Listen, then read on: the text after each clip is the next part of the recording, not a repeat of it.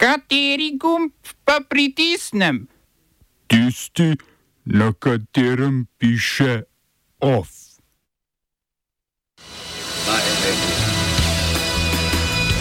Ameriška vojska v Rdečem morju potopila tri hutijevske barke. Novoletni vikend odstopov, kot član uprave RTV odstopil Kardum.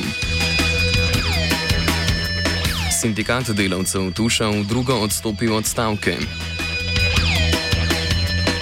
Mariborski supernadzornik Škrinjar povzročil nesrečo, napihal, skušal podkupiti zdravnika, na zadnji pa odstopil.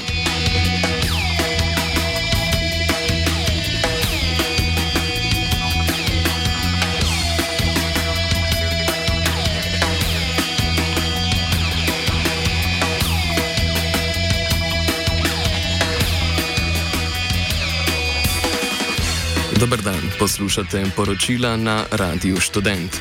Ameriška vojska je v Rdečem morju potopila tri barke in ubila deset jemenskih kverilcev Ansar Allaha. Na štirih barkah so borci, znani kot Huti, skušali zauzeti ladjo Hangzhou Mersk, ki je iz jugovzhodne Azije plula proti Sueškemu prekopu. V gibanju, ki nadzoruje zahod Jemna in prestolnico Sano, napadajo ladje povezane z Izraelom ali namenjene v izraelska pristanišča. Kot ponavljajo, bodo to počeli, dokler Izrael ne konča genocidne ofenzive v Gazi. Na ladji danskega ladjarja Mersk, ki je minuli teden po varnostnih zagotovilih ameriške vojske nadaljeval s potmi skozi Rdeče morje, so bili tokrat pripravljeni z oboroženimi plačanci. Plačanci so streljali na jemenske barke, dokler niso ameriški helikopterji treh potopili, ena pa je zbežala. Iz Merska, ki je po ladjarskih kapacitetah največji globalni ladjar, so po dogodku sporočili, sporočili, da za dva dni znova prekinjajo vse poti po Rdečem morju. Američani so oblikovali koalicijo, s katero naj bi varovali trgovino med arabskim polotokom in afriškim rogom, a bojne ladje so zaenkrat za novo misijo prispevali le Britanci. Zato se morajo američani za obrambo svobode zanašati kar na lastno mornarico. Iranska tiskovna agencija Tasnim medtem trdi, da je v Rdeče morje uplula tudi iranska fregata Al-Borz.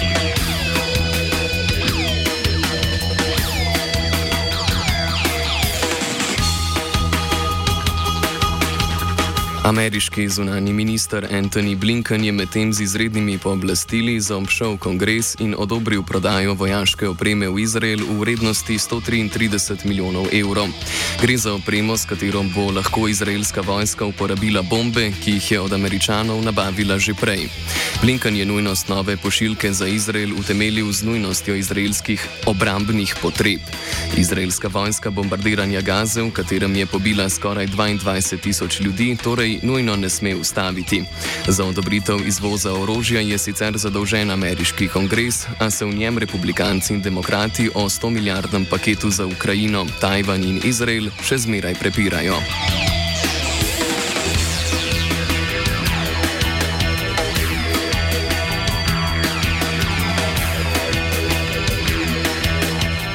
Spodnji dom italijanskega parlamenta je na zadnji delovni dan leta sprejel proračun za novo leto. Kar je novega v novem proračunu, so predvsem davčne olajšave za podjetja in osebe s srednje visokimi dohodki. Povišanje državne porabe in davčne olajšave so proračun na odhodkovni strani napihnili za 16 milijard evrov. Čeprav naj bi z novim letom države v evroobmočju spet začele upoštevati fiskalna pravila, ki omejujejo proračunski primankljaj in državni dolg v razmerju do bruto bruto domačega proizvoda, se tega v Italiji ne gredo. Bruselske birokrate so iz desne vlade Giorgio Meloni že obvestili, da bodo omejitve v letu 2024 presegli. Smo se osamosvojili, nismo se pa osvobodili. Da se naštejemo še 500 projektov. Izpiljene modele, kako so se strani nekdanje LDS rotirali. Ko to dvoje zmešamo v pravilno zmes, dobimo zgodbo o uspehu. Takemu političnemu razvoju se reče udar. Jaz to vem, da je nezakonito, ampak kaj nam pa ostane? Brutalni obračun s politično korupcijo. To je Slovenija, tukaj je naša zemlja, to je Slovenija, Slovenija, Slovenija. Damjan Škrinjar je odstopil z vseh nadzornih funkcij v podjetjih Mariborske občine.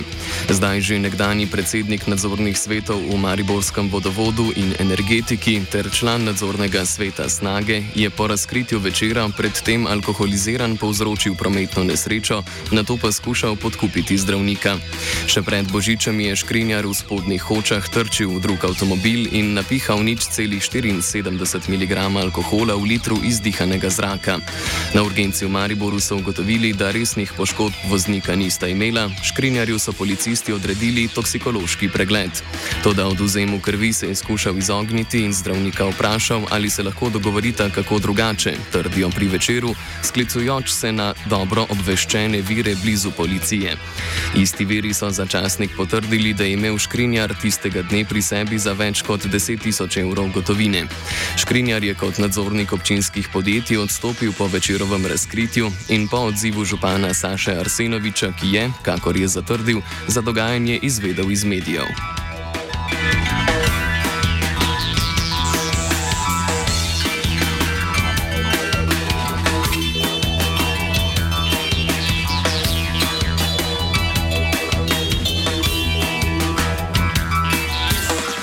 Vikend odstopov je začel Simon Kardum, ki je zapustil zdaj le še tričlansko upravo Radio Televizije Slovenija. Kardum, nekdani direktor Kina Šiška, je bil skupaj z delovskim direktorjem Francijem Paušarjem proti finančnemu in programsko-produkcijskemu načrtu, ki v letošnjem letu predvidevata vrčevanje na programu oziroma vsebinah. Kardum je bil do uprave, ki, je, ki od julija predseduje Zvezdan Martič, Oster. Vprašal se je, ali je možno v ekipi sodelovati z vodjo, ki se ne zmeni za svoje moštvo, in odgovoril unikalno. V odstopni izjavi je napovedal, da bo čez nekaj let na RTV-ju denarja dovolj le še za plače. Najhujše spoznanje, ki ga je pridobil kot član uprave, je po Kardumovem povezano z daj-dam internimi razpisi po načelu rotacij enih, enih in istih obrazov. Ocenil je, da več kot polovica zaposlenih na televiziji nima primerne izobrazbe, na radiju pa je takih tretjina. Meni še, da hiše ni potrebno uravnoteževati hkrati, saj se je uravnotežila sama v povprečnost.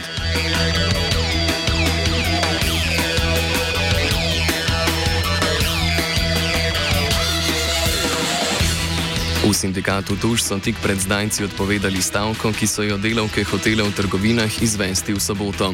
V vodstvu sindikata pod Mirjano Janič in generalnim sekretarjem sindikata delavcev trgovine Ladjem Rožičem so v nasprotju z večinskim mnenjem sindikaliziranih delavk pristali na kompromis z upravo. Dogovorili so se o povišanju osnovne plače prodajalk na 1180 evrov bruto, kar je pod minimalno plačo, ki je lani veljala pri 1203 evrih. Vsaj minimalna osnovna plača je bila v pripravah na stavko tudi glavna zahteva sindikata. V vodstvu sindikata ne glede na to ustrajajo, da je akcija pokazala, kako hitro je kapital pripravljen popustiti zahtevam, za katere je še dan prej zatrjeval, da so nemogoče. Dan prej je sam Mirko Tuš, ustanovitelj in petinski lastnik Engro Tuša, na zaposlene v dopisu pritiskal z besedami, da stavko prispevajo k uničevanju podjetja. Delavke v trgovinah Tuša bi skoraj stavkale že konec leta 2022, a je tudi tedaj vodstvo sindikata stavko odpovedalo in z upravo Enkrotuša sklenilo dogovor. Dva meseca po sklenitvi so v sindikatu ugotovili, da jih je uprava, ki jo vodi Mirkov sin Andraš Tuš, izigrala in namesto, da bi dogovor uveljavila, začela odpuščati sindikalizirane delavce. OF je pripravil Martin.